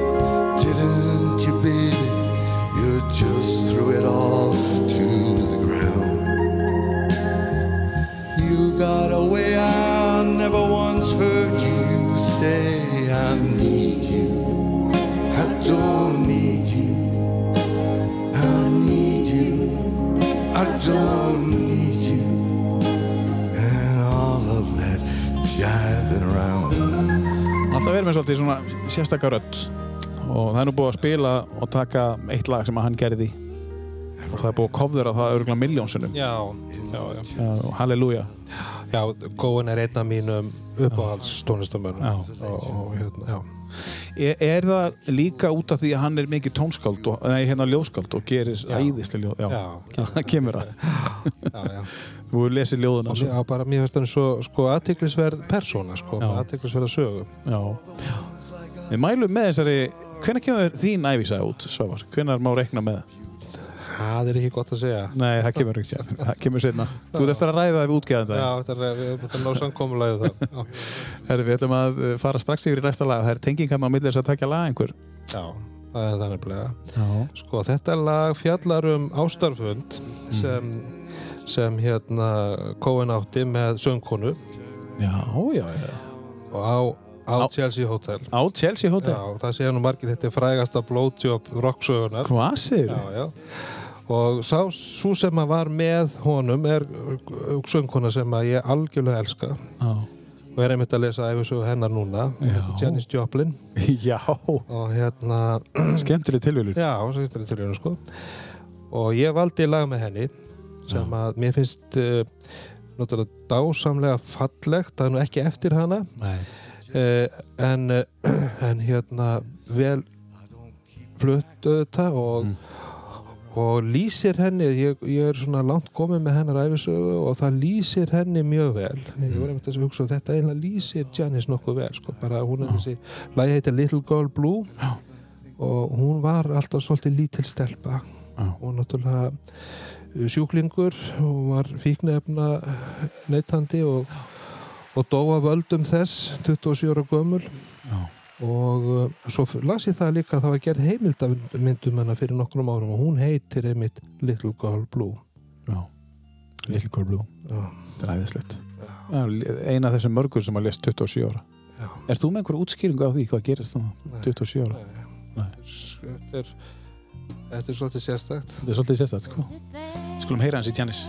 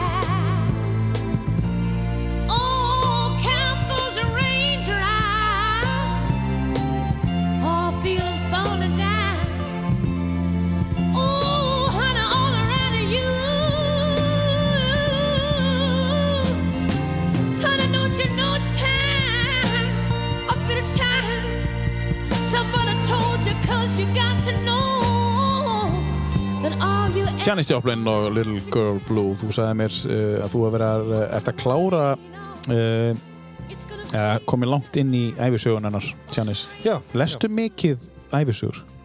ég er mjög gaman af að sko lesa um eitthvað sem hefur gerst Já. hvort sem það er einhver sagfræði eða eða hérna um staði eða, Mm eða personur Horfir þá líka á heimildamindir? Góðar? Já, ég er nú ekkit rosalega duglega við það Nei. en ég er svona nýbúin að upp, upp, uppgöta hlaðavarpið Já. og er einn af aðdáandum veru ílluðadóttur og, Já. Já. og kannski verð ég hérna aðdáandi Já. tíu bestu líka Kanski. Það kemur alltaf í ljós. Þú ert allavega eftir að hlusta á þannig þátt. Maður er alltaf að hlusta á sjálfan sig. Já, já, Ég hef engi rauk fyrir því, ég vil bara segja það bara. Um, um, síðast ár, um, svo var um, að vinna sem prestur bara almennt. Uh, og svo kemur COVID ár. Er einhver munur á starfininu breyttist mikið starfið þitt? Og þá að hvaða leiti þú veist? Það gjör breytist Já. því að prestarfi gengur út á persónuleg samskipti. Já, og þegar uh, þeim eru settar svona þröngar skorður eins og gerðist í öllum þessum takmörkunum sem að uh, COVID kom til leðar þá náttúrulega gjör breytist starfið og við hættum, við, við hættum að hitta söfnuðin já, en auðvitað var margt gott og við, við, við lærðum að nýta okkur tæknina og, og hérna, já, það er ímislegt sem að maður hérna, mun bara lifa af veiruna, svona ímislegt sem breytist Mhm. en, eh, en starfið gjör breytist já. En, en svona fólkið sem þú vinnur með. Fyrir utan uh, starfsfólkið, þá er ég að tala um viðskiptavinninir Mhm. uh, breyttist viðhorf þeirra eitthvað, þurftur meira aðstofa þau og, þá öðruvísi eða var þetta var Já. meira að leita til þín meina ég fyrir utan í hefðbundna? Já, sko eh, nei, en maður skinn því að fólk, fólk var bara mjög eh, sko fólki, fólk kannski sem var með einhver undirlíkjandi sjúkdóm eða eitthvað svoleiðis uh, það var, það kannski ringdi eitthvað svoleiðis en, en það er samt erfitt að tala um svona Já, já, já. mál í gegnum síma þannig að, að eh, hérna, en maður skynja að fólki leið illa Já, já. Og eldra fólki kannski fekk ekki að hitta fjölskyldu eða börnabögn það og ekki einu sinni að hitta fjölskyldu. Það er hryllilegt sko. Og í fleiri mánuði svar fleiri eða mánuði s- fólk sem var með einhver undirlíkjandi Já. sjúkdóma. Og voru í hættu. Já, hefði kannski haft þörf fyrir að létta á sig eða eitthvað svoleiðis en, en, en, en þá, þá koma þessar sko þessar samskipta hömlur sem að voru á allu sko En finnur einhvern mun núna uh, á þessu ári eða er þetta, er, er þetta eitthvað að breytast? Þú veist, það eru bjartari tíma en farmöndan. Við Já, heldum já. það líka á síðast ári en, já, já. en, en sko, eh, er eitthvað svona skinjar einhver svona breytingu fyrstu tvo mánuðinu? Já, já, ég held að þetta sé og, og það er svona, þú veist, fólk er meira að koma til manns og, og það er svona uh, farið að uh, hafa litla skýrnarvislur og, og svona, sko, þetta er svona ég, held að þetta sé svona högt af stað saman. Svona nándin. Já, og við vorum að messuðum bæði þar síðustu, síðustu helgi í kirkjunni í fyrsta skipti bara í mörg ár. Já, það er æðislegt. Já, já, og ég fór í ræktina sko, Já. í sko, þar síðustu viku og það hafði ekki farið síðan fyrsta oktober sko. Nei, einmitt. það er bara, Þannig að lífið, lífið á öllum vikstöðum það er svona, finnst mér aðeins að taka við sér. en það var ekki bara, um, það var einhver ástæða fyrir því þú komst ekki í rektina síðan í oktober. Það var einhver stór ástæða fyrir því. Já, já, ég, Þú helst upp á saksu samanleðið. já, ég ætlaði að halda upp á eða ég held upp á það með mjög sérstökum. Já, segja okkur eins og því. Já, ég nefnilega hérna, var fyrir því að ég fekk sjálfur COVID Já, og uh, hérna fekk svona formlegan úrskurð daginn fyrir uh, 60 sammælistæði minn og ég- ég var búinn daginn fyrir já, 16. já, já, við vorum búin að ráðgera að hafa litla veislu Já, já. og ég bjóða svona þröngum hópi Eins og maður gerði síðast ár, allt já, síðast já, ár. já, já. Alltaf sama fólki. það var náttúrulega að blása það af sko. Já. svo ætlum við að fara með vinafólki okkar og, og hérna á, á Sóta sem er svona lodge í, fljótunum og vera þar eina helgi en það náttúrulega við verðum að blása það af líka Já. Og ég held bara upp á var bara 60 upp á lofti hjá mér í einangrun og var, segirðu? var færður matur bara með, með, með fólk kom með grímu og allt á- upp, upp stegan og, og setti bakkan, lagði bakkan á, á skorinn og ljópi burtu Já, í tvær vikur. já, þannig var ég í tvær vikur Hvernig, eh, hvernig er að upplifa COVID? Hvað, þú veist, eftirkvöst, hvernig er að verða þá þess að veru? ég hugsa að ég hafi nú og við hjónin fengum þetta bæði. Já, við höfum nú sennilega sloppið nokkuð vel miðað við margar við fengum aldrei háan hita og ekki skæðan hósta. Uh, konan misti brað og lyktarskinn og það er nú reyndar ekki komið alveg ennþá hjá henni. Síðan í nómabur. nei og uh, hérna uh, þrekið er nú ekki komið alveg hjá mér ennþá en, en svona það er á, á góðri uppleið og góðri uppleið hjá okkur báðum Já, og við erum búin að skrá okkur í þryggja daga göngu í Já, og við erum alveg fitt fyrir þann tíma er sko, og erum bara að vinna í því komin í rektina. en þetta, en, já, þetta, er, þetta er miklu meir en að segja það sko. þó, þó svo að við höfum uh, ekkert orðin eitt óbáslega lasin Mm. þá, þá erum við enn að glíma við eftirkostin Já. Er það ekki það sem að það er algengast í þessu, það er þessi eftirkost um, Já, sumir, sko, sko, þetta er svo undarlegt. Sumir verða mjög veikir og fá mjög mikil eftirkost. Sumir verða ekkert veikir, fá mjög mikil eftirkost svo eru ennari sem að verða ekkert veikir og fá engin eftirkost og, og einmitt. já, þetta, veist, þetta getur byrst í alls konar myndum. Já, já. Þið, þið urðu ekkert e, rosalega veik en fengu, er, að, er svolítið að eiga við, það hlýtur að vera sillilegt fyrir konuna að vera ekki með bragð og lyktaskinn þrjá mánu, það, er, svona- er detta inn og það er svona Eitt og eitt bara. já, kemur inn svona smá saman þannig að uh, sum, uh, já, sum, sum, sum fæða bara smakkast en ekki alls ekki sko. Bara, það, það er bara eldaði þú biblíu, biblíumatnum Já, og ég ætla vel krytta það. og... Ég, ætla, ég hef ekki prófað það Nei. sko, síðan að þetta gerðist þannig ég ætla að prófa það um helgina Já, ég myndi gera það og krytta þetta vel Herri, við skulum uh, hoppa í lanum úr sjö uh, svo var, uh, hér er uh, eitthvað, þetta er, er þetta ekki 70s eitthvað? Jú, ég held að þetta sé þetta er plata sem kom út árið 1970 og mann ekki hvort að 6 eða 7 Já, þetta er legend. sjá. Já, Þetta er legend, þetta er hljómsveit sko, sem var einlega mín upp á hljómsveit svona 70 ára. úlíksárunum já, heiti Poco. Það er svona já. country rock uh, band sko. Og hún er svona eins og hamarinn sko. Það var búið að skipta tvisörum haus og þrísörum skaft. Ég held að þeir eru enn að sko Poco Já. En það, það var nánast aldrei verið uh, sko sama fólkið í sko frá ári til árs. Það var mjög tíðar mannabreitingar Já, það er einhver ástæði fyrir því alltaf. það er svo skrítið þetta er, svona, þetta er svona lag sem að ég held ég svona fyrsta lagi sem þau urðu, urðu frægir fyrir hérna á Íslandi og, og, þetta er svolítið lagið okkar hjónana því að við höfum kynst þarna og við hlustum oft á þetta Já, Já, já. Þú- hlustar svolítið á country, eða þið kannski hjónin. Ég, ég Já, hef alltaf gaman að að því sko Góðu country. Country Já. Þetta er Poco Crazy Love, heyrum hans í þessu. Just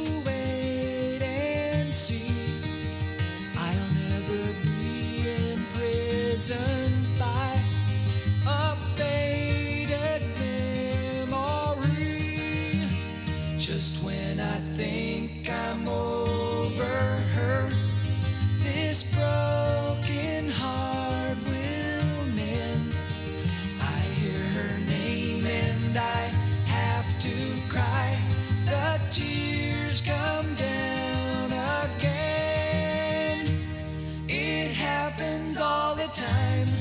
This crazy love of mine wraps around my heart, refusing to unwind. Ooh, crazy love. Ah, count the stars in a summer sky that fall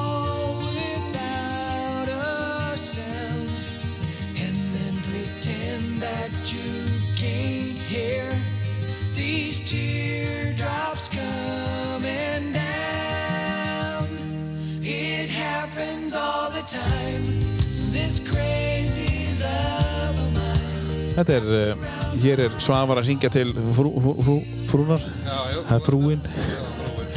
Um, já, hér erum við að heyra í Poco um, og þú veist að segja að það var einhverjar fullt af breytingum í þessari hljómsitt og, og menn voru að fara í alls konar hljómsitti. Þekkjur eitthvað til hvernig þeir fóru og færi sér á milli? eða Er einhver stór böndan á mót? Já, þeir eru búin að gefa út ótal marga plötur Boko, og, og byrjuði mjög snemma þeir ekki byrja bara á sjönda áratökum svoleiðis, sem er uh, gáðið sína fyrstu plötu og, og, og það er nánast sko, ef þú kaupir plötu það er nánast aldrei nákvæmlega sömu meðlimir í hljónsveitinni Nei. ég efast um að það sé nokkur sem var uppalegi Boko sem er í henni núna. En uh, þarna voru náttúrulega frægir menn, Richie Furey var þarna og uh, og hérna Loggins and Messina sem að mm. margir kannast við og, og, og voru svo sjálfstæðir og svo Timothy Smith sem að var lengi bassaleikar í Poco og fór svo Eagles Eagles, já. Og þetta er svona tengt svolítið Eagles já, já. Já, þetta er svona, maður heyri alveg Eagles. Já, Er, er það ekki? jú, jú Heyrðu. Þú heyrir alveg pínu Eagles, Já, Don Henley, svona já, eitthvað, hlustar á Eagles? já, ég er gaman að þeim já, já, já. Þeir eru góðir. En, en, en hérna, e, frúin, hvað er þið búin að vera gift lengi? Við erum búin að vera gift síðan, já, við erum búin að vera gift síðan 1983 Já, það er betra að segja það heldur en að segja hversu mörg ár. Það er, þetta var vel gert. Já, síðan 1983. Já, já, Já, já. og við kynntumst 1978 Og hvað er giftuð ykkur? Kona mín er á Svarfaðardal Já. og við giftum okkur í Tjarnarkirkju í Svarfaðardal Já. og einlega út úr svona neyð Já. Var, má eiginlega segja það því að þá var ég að fara til Þýskaland sína á Já, já. uh, og uh, við vorum búin að fá inni á stúdendagarði Já. en það voru svo fáar íbúðir. Það var svona, þú veist, svona stúdíóíbúðir nokkrar, Já. að fólk þurfti að vera gift til að fá íbúðina. Þeir sátu fyrir, þannig að við ákvæðum bara skelltum í, í hérna brúköp Já, gott hjá okkur. Já, þannig neyð. Já, Já, ég sá fyrir mér einhver aðra neyð. Já, nei, nei Það var Já, sko. það var bara gert út þegar þið þurftu að fá íbúð. Já, við vildum fá íbúð sko. Þetta hefur bara elst, enst svona vel síðan. Það er frábært. Að... Pétur Þóra eins og sá ágættið maður púsaði okkur saman. Og í hvað kirkju? Tjarnarkirkju Tjarnarkirkju var það, já. Já. Tjarnir svara þetta er fallega kirkju já, já. Um, frábært. Hérna, það er lag hérna á listanum sem við ætlum að spila næst. E, e, viltu taka það næst? Já, Hérna. E, er þetta líka frúin eða? þetta er einlega sko, þetta er einlega hvað að segja uh, sá tónlistamæður sem hefur haft mest áhrif á mig Já, Freddie Mercury já, ég byrjaði mjög ungur að hlusta á Queen og, og í raun og veru löngu áður en þeir urðu frægir Mhm. hérna, ég hlustaði átti Queen 1 og Queen 2 og, og svo Sýrhart Attack og allt þetta og, Já. og, hef, hald, já, hef haldið tryggð við þá Mhm.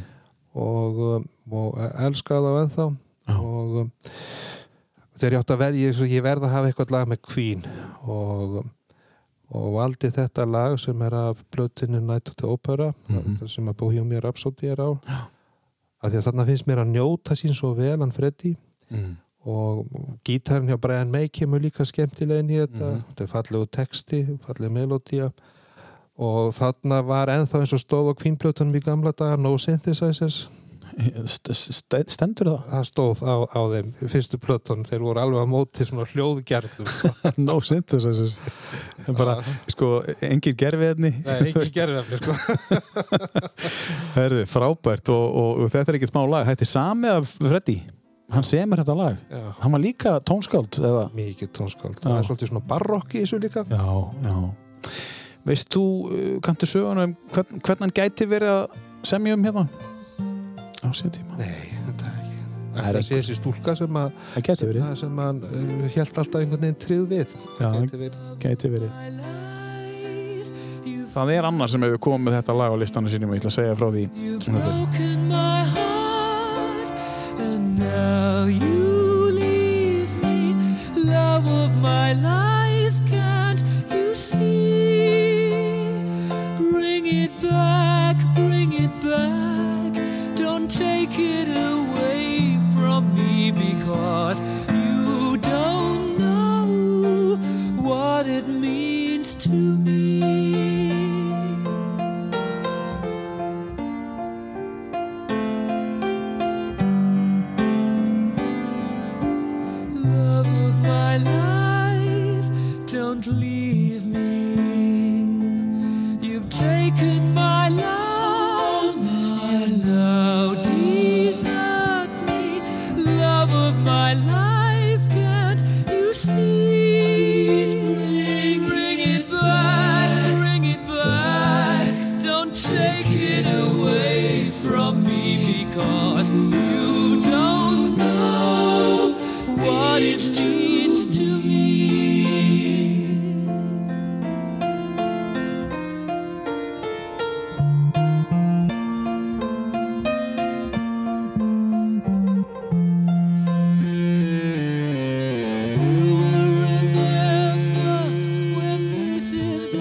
Love of My Life uh, af listanum hans Svavars Sýra Svavars, Sýra Svavars, Herra Svavars Já, bara Senjar Svavars. Já, bara eins og þú vil Já, er, við erum að heyra heiti Queen og eigum tvö lög eftir. Um, um, Næsta lag Svavar, þegar ég fekk listan ég, ég var ekkert eitthvað að spá eitthvað allt og mikið í þetta ég hugsaði, ég ætla bara að leifa honum bara að segja mér og okkur öllum hvað þetta er. Já, og hérna uh, við erum að fara til Danmörkur já Já. Nú fyrir við til Danmörkur og, og þar kom út fyrir mörgum árum uh, plata uh, með manni sem heitir Paul Dissing Já. og uh, fjallar um náunga sem að kallast Svante Mhm. og þar er þetta dásamlega lag sem við heyrum á eftir og textin er eftir ljóskáld sem heitir Benny Andersen Já. Danst og uh, Er það ekki Benny úr Nei, nei, það er annar er, hann var, en hann er ekki Benny Andersson og Já. þetta er Benny Andersen. Það er þessi miklu eldri sko. Já, já. og um, og þetta bara fjallar um þessa litlu luti að, að hérna bráðum er, þetta er svandis líkulíu dag Mm. og bráðum er uh, kaffið til og hérna konarnas, eða Nína hún er að fara í sturtu og svona og, og svo kemur hún úr sturtunni og, og hérna með raka húðina og hérna og lífið er nú ekki það versta sem að maður fær og eitthvað svona sko, þetta er, svo, þetta er svona huggileg dönsk huggileg heitt og, ég, og sagan sem ég ætla að segja er varandi þetta lag að, að ég fyrir, fyrir uh, mörgum árum þá eða það var 2000 og, 2008 þá lendi ég í hjartaðgerð hjartaðgerð, opnaði hjartaðgerð fekk ekki hjarta áfall en eitt svoleiðis en eh, þannig að hjartað er óskemmt en, en ég þurfti að fara í, í hérna, hjáveitu aðgerð því það var alltaf stíplast hjá mér Já. og uh, morgunin sem að ég fer í aðgerðina þá, þá náttúrulega fæ ég svona fæ ég svona kæruleysis sprautu Mm. svona til þess að maður var svolítið stressaður fyrir þetta og, Já, já. en svo kom á, á rétt að ég átti að fara inn á skurstofuna þá kom ne- upp neðatilfelli og ég var látið býða á meðan og uh, herbyggisfélagi minn sem reyndar er professor í, í lífafræði hann sá að, að kærleisbrautan hún var svona smá saman að fjöra út og, og sagði, sagði þú skal bara byggja um að fá aðra sprautu. Aha. og svo fekk ég aðra sprautu og, og hún var svona, var svona ægilegt undur, ég man ekkert bara eftir hvað gerðist eftir það. En, en þessi herbyggisfélagi minn, hann, við hittum svo í endurhæfingu á Reykjavlundi og þá með einhvern Svavar, manst eitthvað eftir í þarna morgunin þegar, þú- fóst í aðkynni ég segi, nei, bara eftir ég fekk seinni sprutuna þá bara man ég ekki neitt. En hann man allt. hann sem ég man alltaf, ég var vitni að þessu. Þú varst alveg sko alveg hérna vittlus í það að, bara, að það er gert eitthvað meira við þig og vildir að það er bara drefið í því að taka úr þig botlangan til dæmis, sko, það verður ekki hægt og svo þegar þér var trillað inn hérna til skurlæknana þá söngstu svandis líkil ég dag hástöðum og, og ég heyrði bara söngin fjarlægast segir Já. Og hann vissi hvað þetta var. þetta sem söngi þegar ég lagði stundi nývin er og nú já. skil ég akkur þetta er svona ofalega hann. Og hérna er þetta sem sagt útsetning útsetning með hérna hann, hann er til mjög fræg þetta er ímsar útsetningar vinnu minn Gunnar Gunnarsson, hann spilar mjög fallega útsetningu á mm Mhm. plötu sem heitir Skál Mm. og en hérna er þessi útsetning hérna er það held ég lúðrasveit dönsku lífvarðana sem að spilar með honum Den kongelige Livgardens musikkorps. Já. Já, og það er ekki amalegt að vakna við lúðrasveitablástur og þetta lag. Nei, og hvað þá að, að, að heyra þig syngja þetta í, í, í á leiði í, í, Hjarta- aðgerð? Já. fyrir Ég- þá sem er að skuttla þér sko. Geri aðrir betur. Já, bara fær bara tónleika beint í æð. Þetta er vísnasöngvari þessi Paul Dissing og, og, og sko ég fannst hann minna svolítið svona á Megas þegar ég heyrði hann syngja. Æmitt Já, bara svona pínu. Já, já. Pínu Megas í og, en hann er þekktur í Danmörku. Já, dásamlega. Já, og þetta söngst þú hástöðum bara þarna, á Kærulísu sprautu 2 Já, og leiðin í aðgerð 2008 í landsbítalanum. Landsmíðarsan Se, hvilken morgenstund Solen er rød og rund Nina gået i bad. Og jeg spiser ostemad Livet er ikke det værste man har. Og om lidt er kaffen klar. Blomsterne blomstrer op. Der går en æderkop Fugle flyver i flok. Når de er mange nok. Lykken er ikke det værste man har. Og om lidt er kaffen klar. Græsset er grønt og vådt. Bierne har det godt. Lungerne frosser i luft.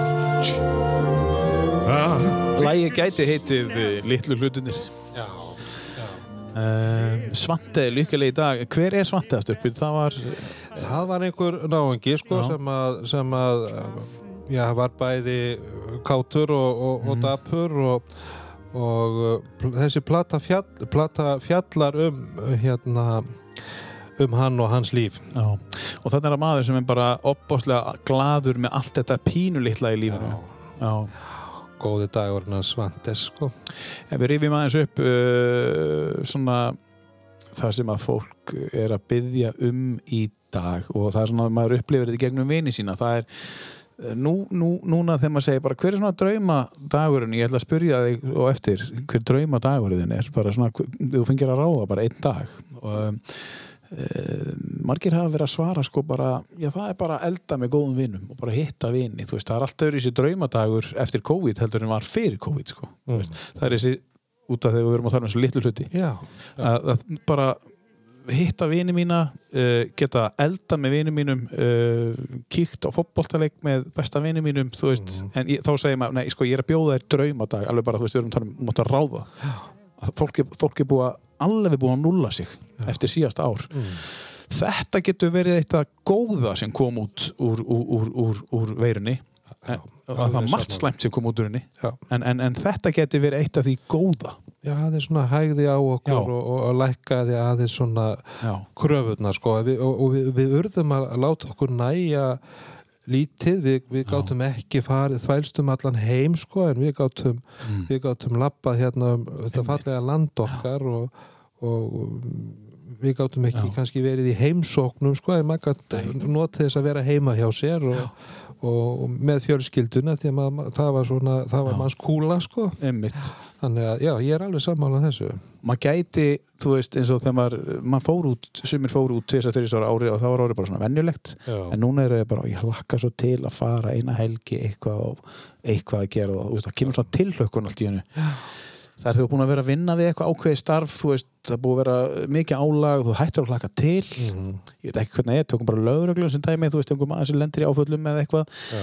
svo allt í einu bara færið bara tilhlökkunum aftur, fattar þú veist, maður missi það, það, er svo gríðarlega mikilvægt að hlakka Já. til Já. einhvers, þó sé bara pínlítil hlutur það sé bara ein kvöldstund eða hlakkar þið til einhvers nú á næsta ári á þessu ári, hvað ætlað þú að gera hvernig sér ári fyrir bara? Já, ég, hérna, ég er nú sko, ég, ég er mikil Ítalíu maður, finnst góður matur frá Ítalíu og, og, og fer oft til Ítalíu Já, og á mér mína staði þar sem ég finnst alveg aðeins þetta að fara á. hvert hefur þið farið?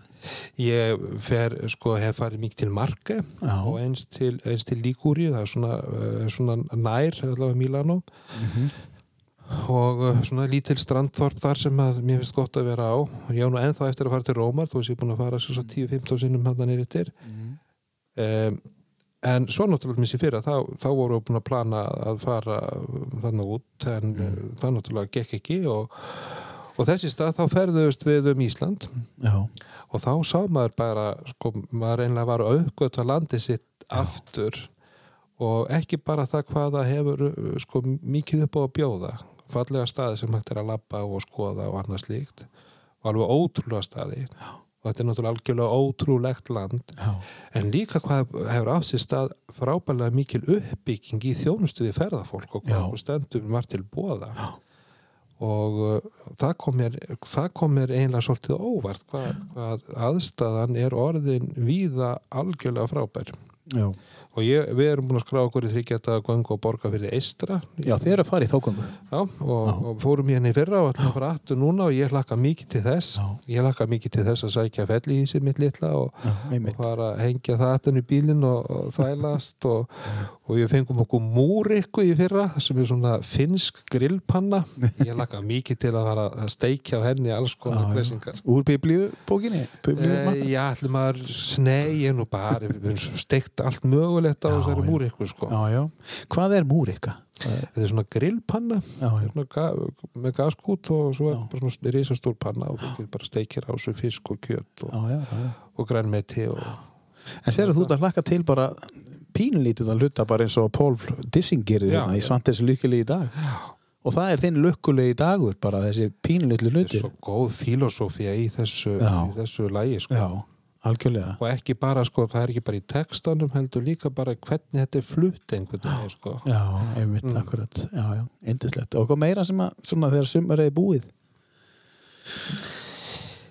Þetta er svona sem stendur upp úr. Já, það er bara að vera með uh, fjölskyldu og vinum og, og ganga og, og hérna og sofa, sofa í fellihísinu og, og njóta þess að vera út í garði hjá mér. Indislegt að sitja þar á pallinum indislegt mm.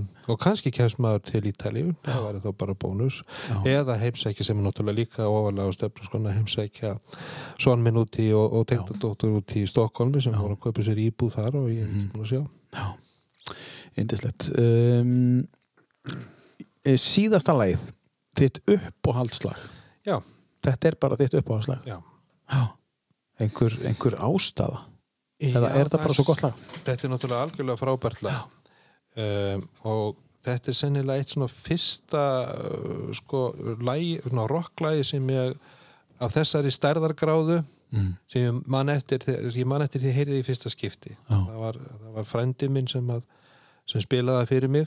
Já, og, og nafni heitir Alfreð eins og ég. Já, og, uh, og hérna ég, fyrsta platan sem ég keipti mér Já. var með þessari hljónsveit Júræða Hýp og síðan þá hef ég alltaf hérna elskað þá. Og, og þetta finnst mér bara já, eitt besta lag allra tíma. Bara, þetta er bara tónverk. Þetta er bara tónverk. Uh, Júli mm, morgun hjá þér í sumar og hendur þessu á. þá hendi ég þess á því ég er mitt í sumafrí í júli Já, og svo á konan mín ammæli í júli þannig að ég elska þennan mánuð sko. já, já. Og þá spilar þetta alveg Já, spilaði þetta. Og, og Svandes líkil í dag. Já, svona í takt við, við, hérna, við, við, við litlu hlutina. Herðu, það er búið að vera frábært að hafa þig, Svavar. Takk fyrir að koma Takk svo mjög leiðis Það er meiri átt að fá að kynna hérna, tónlistina og nú, nú veit fólk fólk kynnist í gegnum tónlist, það er nú bara Já, það já. Þú getur kynst í gegnum tónlist. Rétt. Og, og vonandi er, er, er, er, fólk búið að fá að kynnast þér aðeins öðri sem venjulega í gegnum, gegnum músíkina þín og hvað þá þennan rockslagara sem er að fara að staða hér? Þetta er hitt upp á slag, við að enda á því. Já. Kæri hlustandi, takk fyrir að hlusta og aftur takk innilega fyrir að hlusta á tíu bestu. Og finnur okkur á Facebook, uh, gerðu uh, like á síðuna og eldu okkur þannig að þú getur fylgst með hverjir eru að koma hverju sinni. Við ætlum að uh, enda þetta á Uriah Heep, July Morning.